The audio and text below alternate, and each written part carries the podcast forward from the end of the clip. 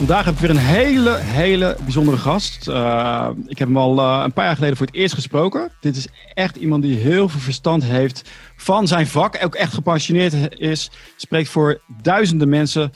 De, de grootste ondernemingen huren hem in. Hij weet alles van onderhandelen. Ik durf wel te zeggen dat hij eigenlijk de onderhandelaar is van Nederland, zo niet van Europa. George van Houten, welkom in deze aflevering. Dankjewel. Leuk om er te zijn. Ja, je hebt, je hebt pas weer een uh, nieuw boek geschreven. Dus ik dacht, dit is uiteraard weer een mogelijkheid om jou in gesprek te gaan. Want onderhandelen is vaak iets heel engs voor mensen. Uh, die, die hebben dan een idee van ik moet een bepaalde rol aannemen. Dit is iets voor een ander soort mensen, terwijl het eigenlijk heel makkelijk en laagdrempelig kan zijn. Maar kan je, kan je wat meer vertellen over onderhandelen en wat het je oplevert als je dit goed kan? En wat het eigenlijk is? Ja. Veel vragen in Ja, het is heel mooi dat je dat zegt. Uh, we onderhandelen eigenlijk vaker dan dat we denken, hè? bewust of onbewust. Steeds als je er met elkaar moet uitkomen, maar je hebt op onderdelen uh, verschillende wensen, andere meningen, um, dan ben je eigenlijk in een onderhandelingssituatie beland. En um, mensen, wat je terecht zegt, vinden dat vaak eng of vervelend en uh, zien er tegenop, uh, vinden het gênant. Um, maar dan hebben ze het eigenlijk over één specifiek aspect van onderhandelen, dat is namelijk afdingen. maar onderhandelen kun je ook wat breder trekken. Uh, en het, het, heeft ook te maken met hoe kijk je ernaar. Als je onderhandelen ziet als een conflict, we staan tegenover elkaar en we moeten afdingen, ja, dan is het vervelend. Maar als je onderhandelen ziet als een manier, een omgangsvorm, een techniek om met elkaar voor beide een goed resultaat te krijgen, dan is het een kans om waarde voor elkaar te creëren. Uh, en, en dan kan het ook iets ontzettend leuks en positiefs zijn. Maar het is een lastig iets, want nou, het is een balans. Kijk, weet je, het is negatieve ervaringen blijven vaak meer hangen. En mensen hebben altijd, dat heb ik zelf ook, hè, dan heb je altijd weer uh, die herinnering aan die verschrikkelijke verkoper die mega aan het afdingen was. Waarbij je echt een nagevoel kreeg en dan van, ja, ik moet hier wegwezen. En dan wordt dat je beeldvorming ook van verkopen, maar ook van onderhandelen bijvoorbeeld. En eigenlijk de goede onderhandelaars zie je niet, want daarmee is het leuk om een gesprek aan te gaan. Ja. Zeg ik het zo goed? Je zegt het goed. Kijk, zit, je gaat met elkaar onderhandelen, omdat je denkt dat je met het eindresultaat beter af bent dan uh, wat je nu hebt. Als ik met een, een, een, partij ga onderhandelen, denk ik namelijk als ik het akkoord sluit, en of dat nou is om een, product te kopen of een dienst te verkopen uh, of een samenwerkingsverband aan te gaan, uh, dan denk ik dat ik met die overeenkomst beter af ben dan de huidige situatie. Dus het is iets leuks. Ik streef naar een verbetering van mijn situatie. Daarvoor ga ik onderhandelen. Uh, dus het is een kans om waarde voor elkaar te creëren. Als je er zo naar kijkt, is het leuk.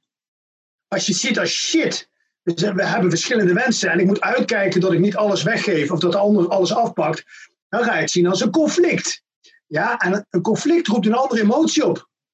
Dat roept uh, emotie op van vechten of van uh, vermijden.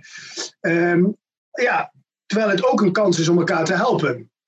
Het probleem van onderhandelen is nu, allebei de aspecten zitten erin. Het is elkaar helpen, waardecreatie, en het is het conflict. Dus je kan het uh, onderhandelen. Je kan, je, kan het voor, zoals alles, zoals een mes, je kan het voor goed en kwaad gebruiken. En je kan het dus ook op een hele goede manier gebruiken. Maar, George, zeg ik wel, jouw uh, eerste boek, Dirty Tricks van het onderhandelen, die neigen dan wel naar een eh, soort uh, kwade toepassing. Of zie ik dat verkeerd? Nou, kijk, de titel dat was eigenlijk een dirty trick. Dat, dat, dat, dat, dat, appelleerde aan mensen en, en daardoor werd het goed verkocht. Maar als je het boek las, dan zag je dat ik uh, de dirty tricks beschreef, maar meer in de zin van herken ze en pareer ze, maar gebruik ze niet zelf. Want het is eigenlijk een eenmalige strategie, bedoeld om voordeel te halen ten koste van de anderen. Ja, dat is voor de lange termijn relatie natuurlijk niet prettig. Alleen ja, ze worden soms wel toegepast en dan is het goed dat je ze kent. Uh, maar goede onderhandelaars trappen er niet meer in. Uh, die weten gewoon, onderhandelen is een combinatie van waarde creëren en waarde claimen. En eerst steek je heel veel energie in waarde creëren met elkaar. Dat betekent dat je heel veel tijd neemt om te kijken wat wil je bereiken, waarom wil je bereiken, wat is belangrijk, wat is minder belangrijk. Ja, en dan hou je een stukje over waar je echt tegenover elkaar staat. Ja, en dan moet je niet naïef zijn. Dan kun je wat technieken toepassen om uh, waarde te claimen. En, dat vind ik mooi, dat, dat die balans vinden tussen waarde creëren met elkaar, dat iedereen gelukkig is met de deal. Maar ook binnen het conflictstuk de techniek om toch wel wat, wat meer naar je toe te trekken. Nou, ik vind het wel leuk hè, wat je zegt van uh, het, het samengevoel. Dat je inderdaad kijkt, hoe kunnen we er allebei beter uh, van worden? Dat is het allerbeste. En uiteraard zijn er situaties waarbij je echt wat harder moet zijn. En de andere persoon bijvoorbeeld uh, veel te veel vraagt, wat het gewoon niet waard is. En dan moet je ook, moet je ook sterk in je schoenen staan. Dus die dirty tricks zijn Het is ook, Alex, um, bij onderhandelen zijn er ook een paar klassieke fouten. Er, er is een, een, hele grote fout in het onderhandelen geslopen. Namelijk de fout over het win-win. Mensen denken altijd bij win-win dat het betekent dat partijen evenveel gekregen moeten hebben of evenveel hebben moeten inleveren. Stel, er is bijvoorbeeld 100.000 euro te verdelen, dan zou iedereen van het budget, als het intern is, 50.000 moeten krijgen. Dat is niet wat met win-win wordt bedoeld. Met win-win wordt bedoeld ieder resultaat waarbij de onderhandelaars beter af zijn dan hun alternatief. Dat is win-win. Dus zolang ik een overeenkomst sluit, een deal sluit, dat beter is dan dat ik buiten de onderhandeltafel kan krijgen, heb ik gewonnen. Ten opzichte van het alternatief. Dat de ander misschien een nog betere deal heeft, dat voelt misschien niet goed als ik het weet. Dat is emotie. En dat is ook belangrijk.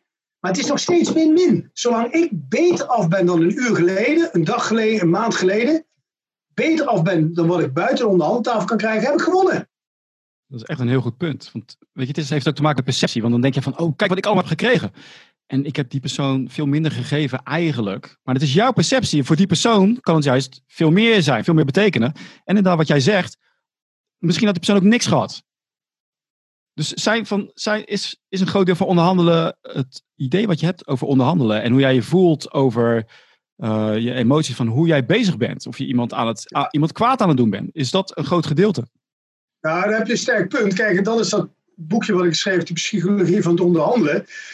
Je ziet in heel veel onderhandeltrainingen wordt het heel erg rationeel, rationeel ingestoken. Hè? De technieken van het exploreren. Maar het is ook emotie. Irrationaliteit. Je moet goed voelen. Mensen willen uh, niet alleen een objectief goed resultaat hebben, maar ze moeten ook het gevoel hebben dat het een fair resultaat is. Dat het ten opzichte van elkaar redelijk is geweest. Um, terwijl, ja, je zou kunnen zeggen, als ik sec naar dit resultaat kijk, is dit een resultaat dat, ik, ja, dat beter is dan ik buiten de tafel kan krijgen. Um, als dat zo is, moet je het accepteren. Maar je ziet dat de hele omgeving, de achterban, uh, en de mensen zelf aan tafel ook het idee hebben. Ten opzichte van elkaar moet het gewoon een fair proces zijn geweest. En dat speelt zeker een rol. Absoluut. nou, waarom ik het noem is vaak dat je een. Uh, weet je wel, wat, ik al eerder zei, van het beeld van, van, uh, van onderhandelen. Dat je een beetje soort van jezelf gaat verontschuldigen. omdat je het idee hebt dat je vervelende dingen, iets vervelends aan het doen bent. In plaats van dat je de ander iets aan het geven bent. Van luister, jij wil nu dit, maar ja, misschien kun jij het beste vertellen van hoe kan ik ervoor zorgen dat die persoon meer waarde krijgt, althans een perceptie van meer waarde krijgt, dan dat hij, in eerste, hij of in eerste instantie dacht. Nou, kijk, het, het is, eh, kijk, we kunnen op zichzelf staand iets niet waarderen. En wat bedoel ik ermee? Jij weet niet of iets een goed interview is geweest of een slecht interview als je geen vergelijkingsmateriaal hebt. Je weet niet of iets duur is als je niet ergens een, een, een norm hebt waar je het mee kunt vergelijken. Um, en dat referentiepunt, dat vergelijkingspunt, dat maakt uh, hoe mensen naar een onderhandeling kijken of naar een overeenkomst kijken. Als ik bijvoorbeeld, ik zal het ook visualiseren, denk: dit is mijn doel, wat ik wil bereiken, wat ik wil ontvangen voor de prijs, voor het product, um, voor het project. En ik krijg uiteindelijk dit, dan denk ik: ik heb verloren, want ik heb minder gekregen dan ik gehoopt had. Maar dan is mijn referentiepunt, mijn vergelijking, is mijn inzet, mijn verwachting. Je kunt ook zeggen: luister, Um, tot dit punt ben ik bereid het te accepteren, want hieronder is de huidige situatie, of wat ik bij een andere partij kan krijgen, hè, is, is, is beter. En als ik dan in plaats van dit, dit krijg, maar het is nog beter dan dit, dan heb ik in vergelijking met dit referentiepunt heb ik gewonnen. Dus onderhandelen is ook heel erg vaak, waar vergelijk je het onderhandelresultaat mee? Dus wat ik in onderhandelingen doe die ik begeleid, is altijd dat ik zeg van oké, we moeten een referentiepunt hebben voor de opening, anchoring. Maar je moet ook een punt hebben waarop je weet, hierna is het resultaat niet meer goed. En alles wat daarboven zit, gefeliciteerd. Ben je er beter af. Dat referentiepunt is heel belangrijk. Ik zal een voorbeeld geven uit de politiek. Je ziet vaak uh, bij uh, verkiezingen dat de verkiezingsprogramma's heel ambitieus zijn. En daar lokken ze kiezers mee. Dat is dit punt. Vervolgens uh, wordt er een regeerakkoord afgesloten en dat is een compromis meerdere partijen. En dan zie je dat ze water bij de wijn hebben moeten doen ten opzichte van een uh, verkiezingsprogramma. En de oppositie gebruikt een ander referentiepunt. Die zegt, de oppositie zegt, die dus niet in de regering zitten, oh kiezers, kijk eens, dit was jullie beloofd. En slechts dit zit in het regeerakkoord. Oh, jullie zijn belazerd. En ze hebben gelijk. Maar wat zeggen de regeringspartijen die uh, coalitie hebben gevormd? Die zeggen, kijk eens kiezers, wat wij nog in het regeerakkoord erin hebben kunnen krijgen. Dat is een stuk beter dan in de oppositie zitten, want dan hadden we niks voor elkaar gekregen. We hebben gewonnen. En ook zij hebben gelijk. Maar wat ze doen is, ze vergelijken het resultaat met een ander referentiepunt. De oppositie zegt, dit was jullie beloofd en slechts dit hebben jullie gekregen. En de regeringspartijen zeggen, kijk eens wat we eruit hebben gekregen, dat is beter dan in de oppositie zitten, hadden we niks. Ja. Eh, die, die perceptie is echt heel belangrijk. En het andere punt wat jij noemde van, uh, is ook, ja, wat ik altijd heb, eh, voor mij heb ik het in een van jouw boeken gelezen, dat je van tevoren ook moet nadenken van tot waar ga ik? Ja. tot welk dieptepunt. Hè? Zodat je jezelf tegenhoudt, dat je doorgaat met onderhandelen totdat je alles kwijt bent. Maar weet van, oké, dit punt wil ik en lager dan dit ga ik niet. Zou je, zou je zoiets hebben ook voor een, uh, ja, voor een, voor een, een, hoger punt? Van oké, zoveel ga ik vragen. Maar tot hier en niet verder. De, de bandbreedte is inderdaad wat jij terecht zegt. Je, je, je alternatief, dat heet dan het BASO. Hè? Je beste alternatief zonder overeenkomst. Of BOTNA, hè? Best Alternative to Negotiated Agreement. Dat is in feite, dan ga je kijken, als ik, wat is mijn alternatief als ik deze deal niet sluit? En als je een beter alternatief hebt, dan ga je natuurlijk niet akkoord met wat op tafel legt. Aan de andere kant, als dat je enige referentiepunt is, dan blijkt uit onderzoek dat mensen eh, heel snel naar die bodem toe gaan. Je moet jezelf ook triggeren om ambitieuzer te zijn. En dat bedoelen we eigenlijk met het openingsvoorstel. Uh, en het openingsvoorstel is altijd een moeilijk punt, want hoe scherp durf je in te zetten? En eigenlijk zijn er maar twee criteria. En uh, het eerste criterium is, wat zou je het liefste willen hebben? Daar begin je mee. Uh, daar moet je naartoe streven. Hè? Dus als jij het voor het zeggen zou hebben, wat zou je willen hebben? Dus dat is eigenlijk je ambitieniveau. En het tweede criterium is, kun je dit nog verdedigen? En verdedigen bestaat weer uit twee componenten.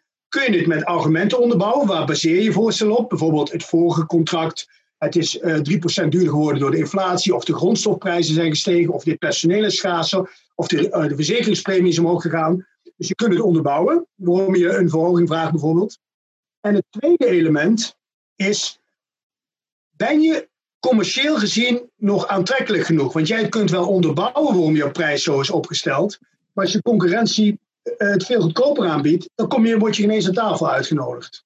Dus even samenvattend, je scherpst verdedigbare bod bestaat uit één, als jij het voor het zeggen zou hebben, wat zou je willen hebben, dan, daar moet je naar streven.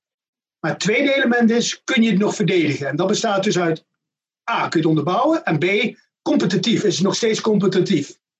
Uh, want anders zegt iemand prima dat je kunt onderbouwen, maar ik heb allerlei andere partijen die het voor, uh, voordeliger doen, dus dan kom je ineens aan tafel. Nou ja, in die onderbouwing kan je heel erg creatief zijn. Want jij kan een onderbouwing bieden die andere partijen bijvoorbeeld niet geven.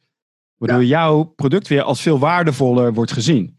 Dus eh, onderbouwen, wees niet zuiver rationeel, wees daar heel creatief in zou ik zeggen. Ik weet niet wat jouw advies is daarin om dat ook zo te doen. Want hè, anders is het van, ik heb het onderbouwd. Maar ja, voor mij kan je er heel creatief in zijn. Heb je daar misschien iets van voorbeelden van? Van een waarde die je op een andere manier kunt uitleggen. Waardoor die perceptie veel, veel waardevoller is geworden voor de, voor de, voor de afnemer.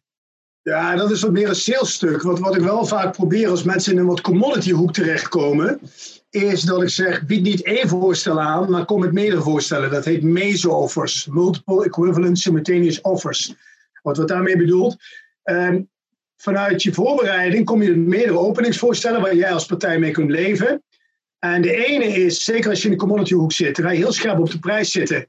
Maar vervolgens is je aanbod ook redelijk mager. En als mensen geïnteresseerd zijn, eenmaal binnen kun je een upsell gaan doen. Dus de klassieke eh, manier van de voet in de door. En je kunt ook zeggen, ik heb een wat, wat, wat, wat uitgebreider, eh, kwalitatief wat uitgebreider aanbod.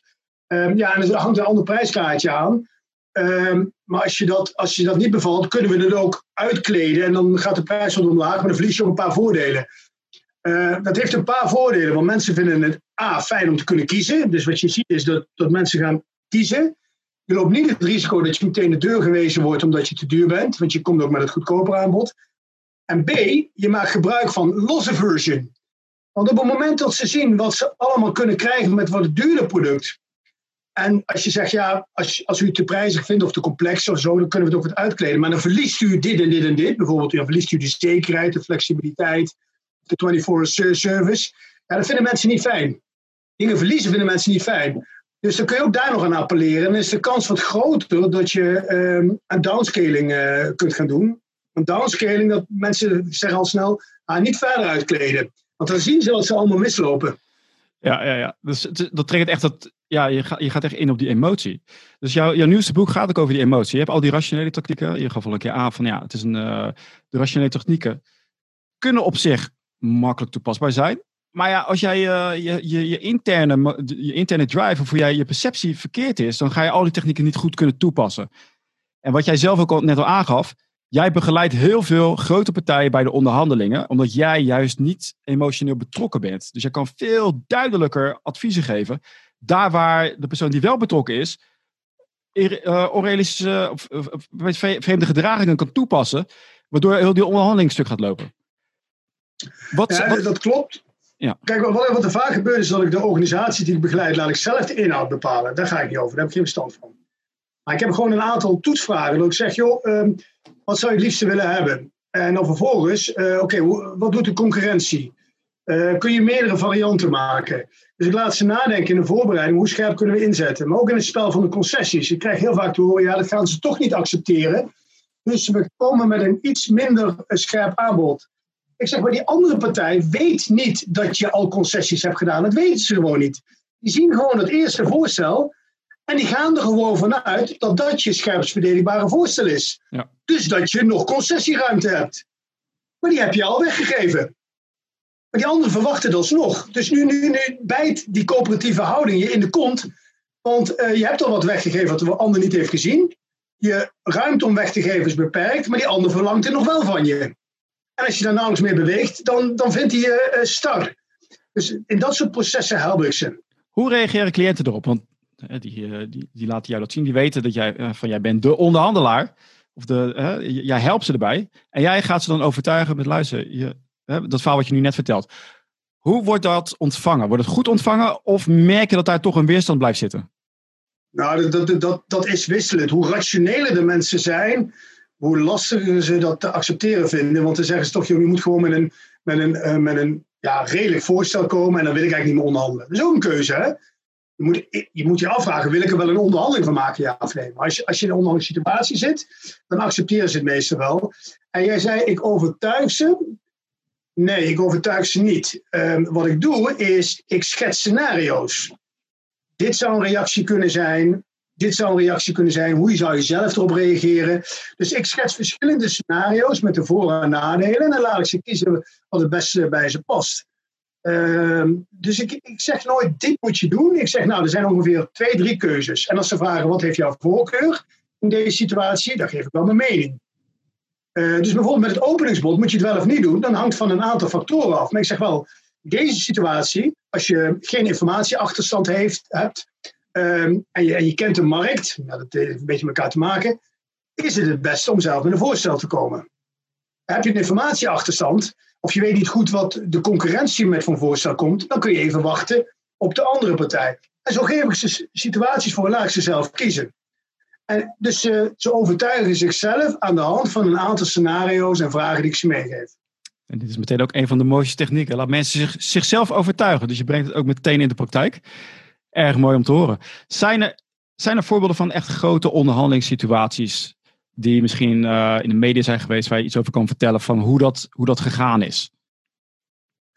Nou, nee, ik begeleid een paar grote onderhandelingen, uh, heb ik gedaan. Uh, wat, ik, wat, wat, mensen vaak niet zien, en, en daar kan ik in het algemene zin wel wat over vertellen, is dat een, de, bijna, en laat ik zo zeggen, hoe complexer de onderhandelingen, hoe politiek gevoeliger, en de politiek bedoel ik niet alleen maar de Haagse politiek, maar ook gewoon het interne politieke spel, de achterban, dat wordt vaak vergeten. Het mandaat krijgen, intern uh, zorgen dat het goed loopt. Heel vaak dan gaan, uh, de directie is bijna niet betrokken. Die komt hoogstens in het laatste escalatiemodel uh, tevoorschijn. Of ehm, moet, moet het finale akkoord geven. Dus het laag eronder zie je vaak dat die betrokken zijn. Um, ik bedoel raad van bestuur, hè, dus de allerhoogste niveau, dat, die zit vaak niet aan tafel. Uh, uh, behalve als het escaleert. Is het niet altijd, hè. soms zit er wel iemand aan tafel. Maar die bemoeien zich er wel allemaal mee. En ook verschillende andere hoge functies. Dus voordat je het weet, zit je met een onderhandelteam dat verantwoording moet gaan afleggen aan Jan en Alleman. iedereen bemoeit zich ermee en dat wordt nodig complex. Dus men vergeet vaak hoe gaan wij interne organisatie zo optuigen dat de communicatie duidelijk is, de hiërarchische structuur duidelijk is en dat we een werkbaar mandaat hebben. Dat is eigenlijk valkuil nummer één die ik continu terugzien. Dus de interne complexiteit. het. Maar je tip is dan ook van zorg dat je van tevoren een mandaat hebt om het toe te kunnen passen. Een mandaat hebt, de communicatiestructuur en uh, dat, dat, dat, daar geen misbruik van gemaakt kan worden. Soms gaan mensen ook achterlangs naar de Raad van Toezicht of de Raad van, uh, bedoel, de eh, Raad van Commissarissen, Raad van Toezicht. Proberen ze op die manier invloed uit te oefenen. Ja, dat, dat moet je allemaal niet hebben. Dan ben je gezien. Ja, maar je moet een mandaat hebben. Dan moet je eigenlijk intern ook eerst onderhandelen. Ja, ja, en dat vergeten mensen vaak. In de interne onderhandeling is vaak complexer. Uh, omdat iedereen een zegje heeft, denkt het beter te weten en ook vanuit zijn eigen belangen, zijn eigen principes uh, opdrachten meegeeft. Dus uh, zorg dat je het intern op orde hebt, zodat je lekker wat lucht hebt om met een mandaat te kunnen, kunnen onderhandelen. En dat je ook niet continu verantwoording hoeft af te leggen. Nou, dat intern is ook heel lastig. Hè? Want dan hebben we zo'n raad van bestuur. Die hebben allemaal misschien andere belangen. De ene die wil dat het bedrijf meer omzet krijgt. De ene wil gewoon lekker op die positie blijven zonder al te veel gevaar. Hoe ga je zo'n onderhandeling in? Ga je dan al die key players in kaart brengen van die wil dat, die wil dat, die wil dat? En hoe werkt zoiets? Ja, ik laat, ik laat het onderhandelteam de key players in kaart brengen. Kijk, je kunt je voorstellen als jij een grote multinational uh, bent en jij zit in, uh, in een onderhandeling over meerwerk, hè? de uitvoering van een groot project. En um, um, daarin sta je misschien in je gelijk, dus je, je wil niet veel toegeven ten opzichte van arbitrage bijvoorbeeld. Uh, maar de moedermaatschappij heeft ook een aantal nog grotere projecten met diezelfde klant. En dan weet je dat je de relatie voor dit, wat, uh, voor dit pro project niet op het spel moet zetten, omdat de rekening met andere business units dan verheffend wordt. En dat zijn de dingen waar je even scherper moet zijn. Dus hoe groter de, de, eigenlijk met multinationals heb je er bijna altijd mee te maken. En dat is een voorbeeld dat je denkt, in, in wat voor omveld speelt zich deze onderhandeling af. Die andere partij, is ook professioneel, die weet ook van, nou oké, wij, hebben, wij staan wat zwakker, juridisch gezien. Ja, we hebben nog allerlei andere opdrachten die we aan deze leverancier hebben gegeven. Als die hier het vel over de neus trekken, laten we dat wel eventjes weten met al, dat er ook nog andere projecten zijn. Um, ja, en dan zie je het hele politieke spel spe uh, dat gespeeld gaat worden. Ja, dat, dat, dat, moet je van tevoren afdekken. Heb je, heb je dan zo'n, uh, zo... Hoe scherp mogen wij in deze onderhandeling gaan zonder dat we de andere projecten schaden? Ik zie dan zo'n heel groot bord vormen met allerlei uh, van, die, uh, van die geeltjes erop. Met oké, dat is persoon A, dat is persoon B, deze belangen lopen. En dat je dan van die uh, beelden, lijnen trekt. Werkt het zo? Maak je er een boekje van? Hoe, hoe moet ik dat zien? Hoe, hoe, hoe, hoe wordt dat in kaart gebracht? Nou, je, je gaat gewoon met een flip boven staan. En ik nog geen eens, soms faciliteer ik. Zeg, joh, dit is een project. Met een, met een grote multinational. Je ziet ook een beetje met mail in de mond praten. Oké, welke andere opdrachten heeft deze klant dit bedrijf verstrekt? En in hoeverre uh, kan dit de relatie schaden? Of, of zit er een duidelijke knip in? Wat is de onafhankelijkheid in de toekomst? En dan gaan mensen inderdaad nadenken. Die zeggen, ja, dan moeten we nog wel eventjes met een echelon hoger afstemmen. Tot hoever we mogen gaan. Of offeren we dit op, terwijl we wat meer het gelijk hebben om de anderen niet te schaden. Dat is niet heel spannend hoor. Je hebt een paar divisies, units. En uh, het is meer het denkproces wat ik op gang moet brengen dan, uh, dan het uittekenen van een organogram. Ja, ik vind het allemaal heel leuk om te zien. Joh. Het is er zijn zoveel variabelen. En er zijn zoveel variabelen waar niet aan gedacht wordt. Hè. Zoals die ene persoon in je eigen organisatie heeft misschien een totaal ander belang. Die wil carrière maken. Die wil uh, tot zijn pensioen nog even uitzetten. Dus ik, ik ben ook op zoek naar dat soort zaken. Hoe overtuig je zulke mensen om inderdaad jou dat mandaat te geven wat jij graag zou willen? Uh, ja, gewoon, soms zie je patronen terugkomen. Het, wat ik feite doe, is als, als, als, als het team dat ik begeleid te weinig mandaat krijgt, dan geef ik ze altijd advies: ga naar de mandaatsverstrekker en laat hem, de, laat hem de risico's, maar ook de consequenties accepteren van een te krap mandaat. Dus op het moment dat je heel krap mandaat hebt, dan uh, loop je het risico dat de deal klapt. En dan moet de andere persoon, ik zeg mail het maar even, vraag een bevestiging, dus ook accepteren dat er een kans is dat er geen deal komt. Als je die mail niet krijgt of ze bellen even, dan zeg je van, kun je me dat ook even mailen. Uh, en vaak zie je dan een aarzeling ontstaan. Als je zegt van is ook een risico dat het niet doorgaat. En dan krijg je een ruimer mandaat. Dat soort dingen laat ik ze wel even doen. Want het is heel makkelijk om te zeggen, ja, dit zijn de doelstellingen en verder mag je niet gaan. Dan zeg ik, oké, prima. Maar het kan dus ook zo zijn dat de zone of possible agreement er niet is. En dat we geen deal hebben. Vind je dat akkoord? En dat vinden mensen spannende. Dus soms is het ook gewoon even confronteren. Nou, dat is ook wat je net zei. Eh, je, je schetst de scenario's. Dus het is anders dan van, ja, mag ik alsjeblieft deze ruimte hebben? Is heel anders dan van, oké, je kan me deze ruimte geven, dit kan en dit kan. Dit zijn de gevolgen. Maar let wel, als je hiervoor kiest, dan kan dit nadelig zijn. En wat je net zegt, mensen vinden het niet leuk om dan, die voelen zich dan daar juist verantwoordelijk voor. En daar houden mensen vaak niet van. Dus dan zeggen ze, oké, ja, doe maar. Ja, precies. Laat ze de consequenties accepteren. Het mag allemaal wat explicieter gemaakt worden. Mensen doen te vaak op gevoel, een beetje vaag. Nee, daarom, daarom heb ik zulke scenario's. Wat als ze coöperatief zijn? Wat als ze niet coöperatief zijn? En er wordt, laat ik heel eerlijk zijn, soms ook te veel aandacht gegeven aan de onderhandelingsvaardigheden. Ehm, en ook al is dat mijn vak, strategisch helpen, tactisch helpen. Het begint met het in kaart brengen van, de, van, van het omveld.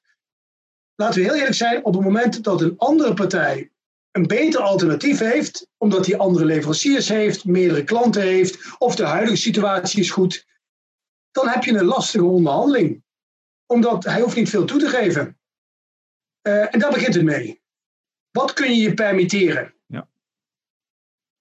En dat wordt vaak vergeten. Dan gaan ze, ah, we moeten onderhandeld trainen en we moeten dit. Ik zeg, nee, nee, laten we eens heel even kijken hoe de machtspositie ten opzichte van elkaar is. Zo van als je totaal geen macht hebt, dan kan je uh, zo goed onderhandelen als je uh, zulke uh, vaardigheden allemaal aanleren. Maar als je positie gewoon slecht is. Ja, oh, lastig. Dan, ja. dan is het damage control. Laten we een, een, een, een, verhandeling een voorbeeld nemen. Trump gaat niet met Nederland onderhandelen. Doen ze, doet hij niet. Waarom niet? Omdat hij, hij is zo machtig dat hij kan zeggen: als jullie met Iran gaan onderhandelen, dan leg ik allemaal economische sancties op. Nou, die schaden ons. Uh, en hij heeft ons ook niet nodig, want hij kan ook zeggen: joh, ik vind eerlijk gezegd vind ik Azië veel interessanter dan het oude continent. Uh, dus ja, dan wordt er niet onderhandeld. Pas als we dan in een Europees collectief optreden, neemt onze machtspositie iets toe. Ja, dat zie je ook bij klanten en leveranciers. Zit je in de hoek van een commodity, ja, dan moet je van, of van je relatie hebben, of van je prijs, of hopelijk iets onderscheidends, maar dan ben je geen commodity meer. En dan is het damage control. Er ontstaat pas een onderhandeling als er iets van onderling afhankelijkheid is kan ik ervoor zorgen dat die positie verbetert? Met andere woorden, niet alleen die onderhandeling, maar hè, positionering is een heel groot deel van de onderhandeling eigenlijk. Dus je, je startpositie. Geef je daar ook training in? Geef je daar ook tips in van hoe kan je zorgen dat jij op een hoger niveau staat? Dat de, dat de, dat de, andere partij ook afhankelijk is van jou? Ja, je kunt de perceptie, want het is altijd hoe ziet de ander het, die kun je proberen te beïnvloeden. Hè? Uh, je hebt verschillende machtsbronnen. Kijk, je hebt machtsbronnen die niet zo snel te beïnvloeden zijn. Welk product of dienst vertegenwoordig je en is dat uniek of niet? Uh, wat is het imago van het bedrijf? Sommige mensen vinden het fijn om met, met grote multinational zaken te doen, omdat dat lekker staat op een, uh, op een, uh, op een, uh, op, op een website. Ehm, maar ook de andere partij, heeft die veel alternatieven, ja of nee? Hoe belangrijk is het product of dienst op dit moment? Heeft die tijdsdruk, ja of nee? Dat zijn knoppen waar je niet zo snel aan kunt draaien. Aan de andere kant heb je persoonlijke machtsbronnen. En dat is, uh, ben je vaardig in het onderhandelen? Ken je de technieken? Heb je een beetje lef? Durf je wat scherper in te zetten? Heb je een beetje relationele vaardigheden? Gunt iemand je wat bijvoorbeeld? Kun je het initiatief nemen? Uh, voer je dingen aan? Uh, kun je met spanning aan tafel omgaan? Dat je niet meteen toegeeft. Dat, dat soort dingen kun je wel beïnvloeden. Dus je moet gewoon even kijken welke machtsbronnen zijn er. Wat is, ligt binnen mijn invloedssfeer en wat niet. De persoonlijke, daar kun je wel in doen. En op langere termijn kun je natuurlijk ook de externe machtsbronnen beïnvloeden. Je kunt ook zeggen van ik ben misschien een commodity, maar ik kan samenwerken met iemand en als collectief zijn we waardevoller. Dat kan ook. Of we gaan op de lange termijn gaan we ons product differentiëren. Maar dat is niet in het hier en nu. Een groot uh, voorbeeld is dat uh, je, je interne beleving scheelt heel veel. En dan heb ik het over als je zo binnenkomt iemand. Eh, of je staat er. Je bent zeker van jezelf. Is je onderhandelingspositie veel sterker.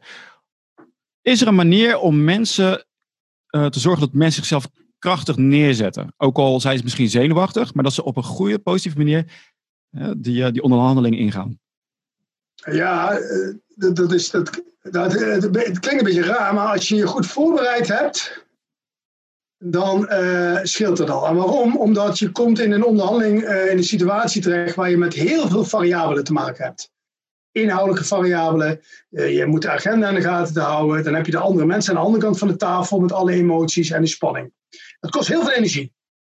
En je hersenen hebben al die energie nodig om al, dat, die informatiebronnen te verwerken. Als je dan nog in de inhoud moet gaan zitten en alles gaat doorrekenen in de scenario's, dan is je energievoorraad snel op. Als je goed voorbereid hebt, dan heb je in ieder geval inhoudelijk heb je het op orde. Je hebt goed nagedacht over de procedure. Dan kun je vooral je energie steken in het proces van onderhandelen. Hoe zitten mensen erbij? Hoe reageren ze? Wat doet dit met me? En eh, dan heb je energie over en aandacht over. Dat scheelt al enorm. Dat je niet hoeft te schakelen. Wat zeggen ze? Wat betekent het weer? Heb ik dit goed, uh, goed gezien? Dat helpt enorm. Um, tweede is, wees ook overtuigd van je product en dienst die je brengt. Als je zegt, dit is mijn voorstel, dan moet je niet in je achterhoofd zitten van, ja, hier geloof ik eigenlijk niet in. Ik vind het veel te duur. Of ik vind, uh, ik vind het veel te complex. Ga niet als onderhandelaar iets aanbieden waar je niet achter staat. Dus zodra je ervan overtuigd bent, dan, dan, dan helpt dat. En het derde is, uh, niet te gehaast starten. Dus zorg dat je echt op tijd bij die vergadering bent. Dat je mentaal eventjes nog het langs kan lopen. En dat je uh, vooral positief denkt. En dan niet zozeer van, oh, ik hoop maar niet dat, hè, het niet-scenario, dat ze het te duur vinden, of ik denk dat ze het afwijzen. Dan ga er vanuit, joh, het is een mooi product, het is een mooi dienst. Ik sta achter mijn zaak, dit gaat een succes worden. Dus voor jezelf ankeren van dat het goed gaat komen. Ik kan dit. Weet je wat ook leuk is met, jou, met jouw hulp? Kijk, je hebt zoveel ervaring en jij kan ons een hele lijst meegeven met luister. Dit, zijn on, dit is onze onderhandelingspositie. En waarschijnlijk gaan ze dit en dit en dit doen. Dus als een van jouw uh, klant, of, klant of cliënten in de onderhandeling gaat, dan ben jij een soort van bijna een waarzegger. Waarbij die tegenpartij, of de metpartij, het hele rijtje langs gaat en zegt: Oh ja, dat heeft uh, George al gezegd, dat heeft George ook al gezegd. En ja, voor mij helpt het altijd wel. Als ik dingen kan voorspellen, voel ik me eigenlijk ook krachtig van: Oh, ik heb dit al lang zien aankomen. ik, zal, ik, zal, een voorbeeld geven, zonder een naam te noemen. Uh, die, die, die um, een jaar geleden heeft plaatsgevonden. Iets minder, negen maanden. En het is niet helemaal dat ik het kan voorspellen. Ik schets scenario's. En de kans is heel groot dat één van de scenario's gaat plaatsvinden. Maar ik weet nooit hoe het gaat. Maar ik ga scenario's. Ik zal een voorbeeld geven. Ik begeleide een uh, grote onderhandeling. En um, het, um, men wilde er eigenlijk uitkomen met elkaar. Het, was een soort geschil. Ik zit even te zoeken naar wat ik wel kan vertellen. Het was een soort geschil en men wilde het niet juridisch maken, dus men wilde eruit komen. En het verliep eigenlijk best wel coöperatief. En toen zei, een, uh, zei degene die ik begeleid, die zei van nou, we zijn bijna klaar. Um, um, maar een smalle delegatie wil het grote overleg waarin we het gaan afronden. Hè, wil nog even voorbespreken. Moeten we dat wel of niet laten plaatsvinden, dat smalle overleg? Ik zei, dat kan geen kwaad. Uh, maar hou er rekening mee dat ze uh, gaan zeggen dat eh, datgene wat jullie hadden afgesproken, dat dat helaas toch niet kan. En dat, dat jullie wat water bij de wijn moeten doen. Je moet je voorstellen dat dat petit comité was een dag voordat het grote comité, die ook naar het buitenland zou moeten worden ingevlogen, zou plaatsvinden. Hey, zeiden ze, dat gaat niet gebeuren. Ze gaan niet vragen om nog wat korting en wat veranderingen. Daar is de sfeer niet naar. Ik zei nou, ze hebben niks te verliezen. Dus waarom zouden ze niet doen? Hou rekening dat het wel gebeurt. Dus we gaan het scenario uitwerken. Ze gaan nog, nog wat agendapuntjes doen, nog wat informatie, niks aan de hand scenario. En we gaan het scenario afwijken dat ze wel degelijk gaan zeggen dat ze het helaas niet goedgekeurd krijgen, dat jullie nog wat water bij de wijn moeten Nou, we kwamen bij het tweede scenario uit. als ze dat doen, dan zeg je gewoon, nee, dit was ons voorstel, dit was een compromis, uh, dit is niet meer netjes. En dan sla je de orders dicht, loop je weg en dan zeg je, de vergadering de, morgen, het overleg morgen, kunnen we cancelen. Maar er waren al mensen in het vliegtuig. En uh, nou, ik zat er niet bij, maar ik moest telefonisch stand-by staan. En wat gebeurt er? Precies dat. Ze gingen om korting vragen, kregen niet goedgekeurd. En het team sloeg ineens de orders dicht. Die zeggen, jongens, dan houdt het op. En helaas, morgen kan niet doorgaan. Dus um, zeg iedereen maar af. Anderhalf uur later werd er in de auto gebeld. Nou, we hebben toch nog even overleg gehad. Het kan toch doorgaan. Ah, dat is goud. Dat is goud. Heb je, heb je nou veel van dat soort momenten? Ik denk het wel. Hè? Want op een gegeven moment wordt het heel uh, voorspelbaar. Ik merk het bij mezelf ook. Dan zie je dat bepaalde technieken worden toegepast. En dan weet je, oh, dit, dit is de counter. Een soort uh, martial arts. Zo zie ik het eigenlijk. Ja, dat klopt. Op een gegeven moment uh, kun je dingen zien aankomen. Omdat je gewoon weet, men heeft niks te verliezen. Waarom zou men het niet doen? of dit is gewoon bluff. Dus ja, je ziet dingen aankomen. Dan, en, dan, dan, en dan kun je gewoon in scenario's gaan denken. Ehm, dus ja, ja het, het is schaken. Je weet de zetten een beetje. Maar je weet niet precies wat de volgende set is. Maar je kunt, je kunt zeggen, het zou dit kunnen zijn, het zou dit kunnen zijn. Dus die, die onzekerheid die ontstaat omdat jij het speelveld niet in kaart hebt. Je hebt niet duidelijk wie, uh, wat, wat alle belangen zijn. Je weet niet wat, jou, wat, jou, wat jij allemaal kan bieden. Dus het is gewoon veel, in mijn ogen, gewoon een gebrek aan, aan inzichten. Wat jij zegt, die scenario's. En als je dat hebt, heb je, het is alsof je een, een spel gaat spelen en je hebt eigenlijk alle, je weet alle regels, je hebt alle goede stukken al neergezet. Dus het is veel leuker ook, omdat je exact weet, oké, okay, hij gaat nu dat zeggen, oh, dat gaat er gebeuren. Oh, deze non-verbale techniek wordt toegepast. Maar je hebt allemaal heb je het al gezien en voorspeld. Ja. Zit er veel lekker erin. Precies. En, en wat, wat je ook wel krijgt. Wat, kijk, nu ligt de nadruk een beetje op de, de, trucjes die worden toegepast. Maar bij heel veel onderhandelingen is het gewoon ook wel echt met elkaar proberen een hele mooie deal eruit te krijgen. Dat, daar probeer ik er toch echt wel de nadruk op te leggen van jongens. We gaan onderhandelen omdat we denken dat dit de manier is om voor ons beiden een beter resultaat te krijgen dan het alternatief op het moment dat je denkt dat je heel sterk staat, uh, misschien moet je wel niet onderhandelen. Zeg gewoon, dit is ons voorstel, take it or leave it. Ook goed, hè? Uh, maar ik wil niet dat onderhandelen een zweem krijgt van, ja, je moet elkaar naaien, je moet trucjes doen. Nee. Uh, dus als ik de partijen begeleid, dan adviseer ik ze nooit die trucjes toe te passen. Maar ik, ik waarschuw wel voor scenario's die kunnen plaatsvinden. Uiteindelijk is onderhandelen een hele mooie manier om met elkaar tot een deal te komen. Ja, ja mij. Ik vind het natuurlijk leuk om over al die smeuige technieken te praten. Maar wat je zegt. Ik, dat ah, weet je, dat, uh, dirty tricks. Uh, nee, maar het, is, het is nog mooier als jij. Uh, weet je wel, vaak hè. met een andere partij die is ook zenuwachtig om te onderhandelen. Die denken ook van: oh jee, wat, wat gaat hij me aandoen? Maar wat is er mooier als jij ook een stuk kan geven. En vaak door heel relaxed te zijn en op een leuke manier te onderhandelen. Wordt die andere persoon ook vaak veel relaxer. En dan wordt het Precies. veel gemoedelijker. En het is niet meer zo'n strijd en wat is leuk als jij creatief kan nadenken. Want vaak als jij in een bedrijf zit, is het heel moeilijk om te zien wat er nog meer mogelijk is. Maar jij kan voor een ander bedrijf vaak veel makkelijker zien wat zij laten liggen. Zijn dat ook technieken die jij vaak gebruikt om, uh, ja, om elkaar te helpen? Ik kom, nu met, ik kom nu met een ander punt wat heel goed is. Kijk, het, het, begint natuurlijk om te kijken waar zit de asymmetrie en waardering. Eigenlijk als je onderhandelt heb je drie soorten onderwerpen waar je het over hebt.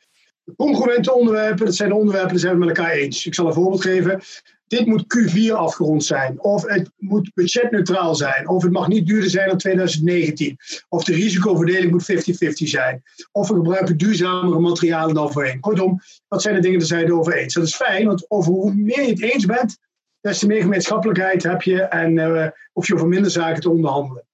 Tweede element zijn de distributieve onderwerpen. Dat zijn de onderwerpen die vinden we allebei belangrijk, maar we willen wat anders. Ik wil 3% verhoging, de anderen willen het op nul houden. De ander wil een winstverdeling van 60-40, ik wil 40-60. Dat zijn de dingen die vinden we allebei belangrijk, uh, uh, maar we staan tegenover elkaar. Nou, dat is distributief, daar moet je zoveel mogelijk zien te krijgen. Alles wat ik niet krijg, uh, krijg jij. En alles, eh, wat, alles wat jij wil, wil ik. My gain is your loss. We hebben een derde onderwerp, en daar ligt het potentieel van onderhandelen. Dat noemen we de integratieve onderwerpen. En integratieve onderwerpen, dat zijn de onderwerpen die lijken op het eerste gezicht distributief. We staan tegenover elkaar, we willen wat anders. Maar nadere discussie laat zien dat de waardering, hoe belangrijk we het vinden, is asymmetrisch. Jij vindt bijvoorbeeld het belangrijker dan dat ik het vind. Of jouw voordeel is groter dan mijn nadeel.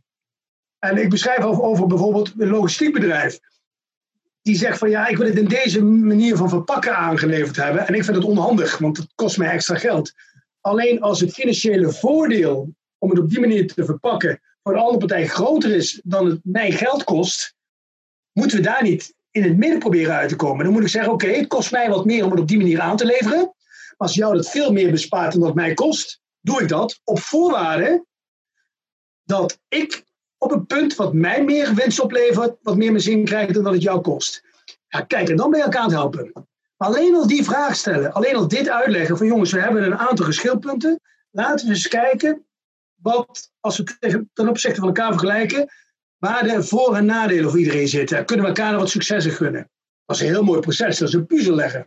Ja, dus niet dat je van tevoren al een bepaald beeld hebt van, oh, die zal dat wel willen, of die zal wel dat niet willen. Dat je tijdens je onderhandeling erachter komt van waar, waar ligt de waarde voor die persoon. Door stel van veel vragen en begrip te hebben. Ja, en dat, dat is de puzzel. Waar ligt de asymmetrie? De, als jouw voordeel groter is dan mijn nadeel, moet ik je daar wat succes in gunnen. Ja. Dat betekent ook dus dat je niet zomaar lukraak concessies gaat doen. Ook niet bij je openingsbod. Waarom? Ik weet helemaal niet of jij die concessie of, of, of datgene wat, ik jou, wat ik kwijtraak, wel in verhouding is tussen wat het jou oplevert. Dus je valt nu weg. En toen stond je stil. Je bent er weer? Oké, nu gelukkig. weer. Ja, de robot. Weet je als, je, als je de regels weet van het onderhandelen, dan wordt het ook een stuk le- leuker. Hè? Want dan ben je niet meer lukraak wat aan het doen. Dan ben je, oké, ik heb nu deze tactiek, eh, strategie uitgekozen. Dit is mijn doel en ik wil er samen uitkomen met, die, eh, met, de- met de andere partij. En je maakt het voor die andere partij. Kijk, waarschijnlijk hebben die ook weinig ervaring met, of, of geen ervaring met onderhandelen. En je maakt het een leuke manier. Je bent inderdaad bezig met waardecreatie. Dus eh, inderdaad, het psychologische element, dat vind ik, vind ik ook een hele belangrijke. Ook als je er zit, wat je net zei, sta sterk. Eh, het maakt het ook veel fijner eh, om een gesprek te hebben met iemand die sterk staat, dan met iemand die de hele tijd zichzelf eh, naar beneden haalt. Dus je maakt het veel leuker. Jouw nieuwste boek, Psychologie van het onderhandelen, is dat een, eh, een aanvulling op Dirty Tricks? Ja, absoluut. Ik beschrijf heel veel psychologische principes die voorkomen. eh, en die het onderhandelingsproces ook beïnvloeden. Ik zal een paar noemen. Anchoring. Het blijkt gewoon, degene die als eerste het voorstel eh, neerlegt, heeft eh, eh, in twee derde van de gevallen een voordeel. Ik beschrijf ook wanneer je het niet moet doen, bijvoorbeeld. Hè. Maar ook, ehm, hoe begin je met onderhandelen? Hoe leg je de focus bij de ander op dat onderhandelen een manier is om elkaar succes te gunnen, in plaats van dat het een conflict is? Als mensen dat als een conflict zien, worden ze wantrouwend, houden ze de kaarten voor de borst. Terwijl als ze een mooie manier zien om tot een goede deal te komen, is- hè, vertonen ze ander gedrag. Wat zijn technieken om dat voor elkaar te krijgen? Welke taal gebruik je? Eh, winst- of verliestaal. Maar ik gebruik ook dingen als geef mensen een keuzemogelijkheid, maar schiet er niet in door, want dan krijg je keuzestress. Hoe kun je verliesaversie gebruiken? Eh, welke soort argumenten werken wel en welke argumenten werken niet? Ehm, maar ook dingen als priming. Hoe doe je dat? Eh, en hoe kun je andere principes gebruiken, zoals hyperbolic discounting? Hè? Eh, dat mensen bijvoorbeeld iets nu, eh, wat ze nu kunnen krijgen, meer waarderen dan iets wat ze later kunnen krijgen, maar wat meer waard is. Daar kun je ook bij onderhandelingen gebruik van maken. Ehm, en ook wanneer wordt een resultaat wel gewaardeerd en wat niet. Het referentiepunt gebruiken bijvoorbeeld. Dat zijn allemaal psychologische principes, een stuk of 70 volgens mij staan erin, die je kunt gebruiken in de onderhandelingen. Ja, het is echt heel leuk wat je zegt ook. Hè? Van, je kan spelen met die tijdsperceptie. Ze doen van die testjes. Wil je liever nu 200 euro of eh, over eh, een jaar 1000 euro? Ik noem het, nou, dat is een beetje te veel. Maar dan merk je inderdaad dat je ook met die tijd kan spelen. Dus er zijn veel meer variabelen die je kan aanbieden. Waar je misschien nog niet eens Ja, aan gedacht had. Dus dat is, dat is Ja. allemaal heel leuk. Dat is echt een... eh, Dat is in het concessiespel heel erg belangrijk. Eh, en daar geef ik allerlei voorbeelden maar van uit mijn praktijk, allemaal beschreven, situaties, geanonimiseerd, maar eh, wel precies de, de, de context van eh, dit was de onderhandeling, dit waren de voorstellen, zo werd gereageerd. En, eh, en heel praktisch beschreven. De recensies zijn gelukkig ook heel goed. Dus eh, ja, ja, ja. ik had niet ik ben er anders, wel blij mee ik, ik had eigenlijk. niet anders verwacht. Uiteraard. En jij, jij helpt echt de grote partijen. De, je, je, je zegt een aantal keer, ik moet opletten wat ik zeg. Dat is niet van eh, geheimhouding. Of ja, wel geheimhouding. Want dat zijn niet de minste partijen. Het zijn echt grote bedrijven. Politiek misschien. Nou, laten we het daar niet over hebben. Maar de grote partijen die jouw hulp nodig hebben. Dus andere grote... hè, ik heb het nu even, even, even over de hele grote partijen. Als die jouw hulp nodig hebben. Waar kunnen zij naartoe gaan? Sorry, wat zei je? De laatste verstond ik niet. de, grootste, de, grote, echt de grote partijen waar jij, eh, ja, die jij echt begeleidt bij de, de grote deals. Waar Ja. kunnen deze mensen naartoe gaan om jouw hulp in te roepen? Nou, het, zijn, het zijn ook wat. eh, ik, doe enkele keer hele grote partijen inderdaad. eh, maar ook best wel wat MKB-bedrijven die juist nog niet die expertise hebben. Die, die begeleid ik ook heel veel. Ja, waar die naartoe kunnen gaan is eigenlijk heel eenvoudig. Dat is Houtem. Hè? En Houtem schrijf je met een driepoot, EM. Houtem.hcg.net. En dan kunnen ze eh, vragen voor begeleiding of training of een workshop of een lezing. Eh, en dat doe ik met alle plezier. En hoe, hoe weet ik van tevoren of jij kan helpen? Of moet ik gewoon een mailen naar? Mail gewoon naar houtem.hcg.net. Of lees mijn boek, dan weet je een beetje wat ik in huis heb. En eh, dan kunnen we kijken wat bij het bedrijf past. En dan een gesprek. Dus het, het leuke is dat de, grote, de technieken die jij toepast bij echt de megadeals zijn ook toe te passen op een veel kleinere schaal. En voor die mensen is het, is het boek heel handig. Waar, die, ja, managementboek neem ik aan. Waar, waar kunnen we die boek, Bol.com, ja. overal is het te vinden. En het leuke daarvan, inderdaad, die psychologie, dat is zo belangrijk. Er zijn zoveel variabelen die je kan beïnvloeden. Dus ik vind, uh, ik vind het erg leuk. Ik, uh, ik ga hem zeker kopen.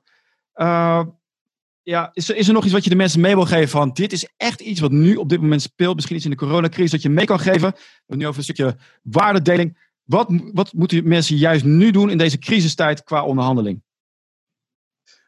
Op het moment dat je merkt dat je financieel krap komt te zitten, uh, neem zo snel mogelijk contact op met die andere partij. Kom niet meteen met een voorstel, maar ga weer op belangenniveau. Dat je zegt, joh, ik begin nu krap te zitten in mijn liquiditeit. Ik ben bang dat als, we, als ik dit moet blijven betalen, dat het alternatief voor ons beiden is dat het op een gegeven moment ophoudt, omdat ik het niet meer kan betalen. Volgens mij is dat een slechter scenario dan dat we proberen op dit moment even tot een deal te komen waarbij ik het kan blijven betalen, maar jij, jouw belang om in de toekomst uh, geldstromen te behouden, ook gewaarborgd blijft. Dus uh, wees eerlijk, maar schets ook het voordeel voor de andere partij ten opzichte van nu volhouden uh, met het risico dat je op de lange termijn niks meer krijgt. Um, en vraag de ander om advies. Dat vind ik misschien wel het belangrijkste. Als je nu in deze situatie zegt, dit is mijn voorstel, strijk je mensen tegen de haren in, want iedereen zit in de crisis. Als je zegt, oh, ik heb je advies nodig. Want uh, ik zie dit gebeuren. Hoe lossen we dit op? Dat helpt ook enorm. Dat is echt een gouden tip. Want inderdaad, wat heel veel mensen gaan van, ja, uh, kan ik betalingsuitstel krijgen? Maar als je anders brengt van, luister, ik heb echt door deze crisis betalingsproblemen gekregen. En ik wil je graag kunnen betalen, zodat jij ook in de toekomst, uh, dat ik uh, van je risico gebruik kan maken, dat jij ook je geld krijgt. Inderdaad, van uh, wat jij zegt met dat advies, hoe kunnen we dit samen oplossen? Zoiets. Juist. Ja, Mag je advies? Mensen vinden het fijn om advies te geven, maar ga niet in deze situatie te hard erin. Dat, dat juist niet. Ook al, ook al gunt die persoon je dat, als je er hard in gaat, dan zegt hij van nee, ik wil nu mijn geld hebben. Dat is die emotie weer. Dus je moet een beetje de, de andere partij ook verleiden en het leuk maken. Dus dat, uh, dat maakt het stuk leuker. George, dank je wel voor dit gesprek. We hebben echt, het ging heel snel. We hebben heel veel gouden tips gehad. En de mensen die verder willen, ik zou zeggen, koop het boek of ga naar de website. Maar in die boeken staat ook heel veel wat jij... Uh, je hoeft niet alles in één keer toe te passen, maar gaandeweg. Het is weer waarschijnlijk zo'n boek wat je vaker moet lezen. Iedere keer weer een klein stukje toepassen en dan word je steeds beter en beter in. Dus ik vind hem uh, ik vind het echt hartstikke leuk. Dankjewel Alex.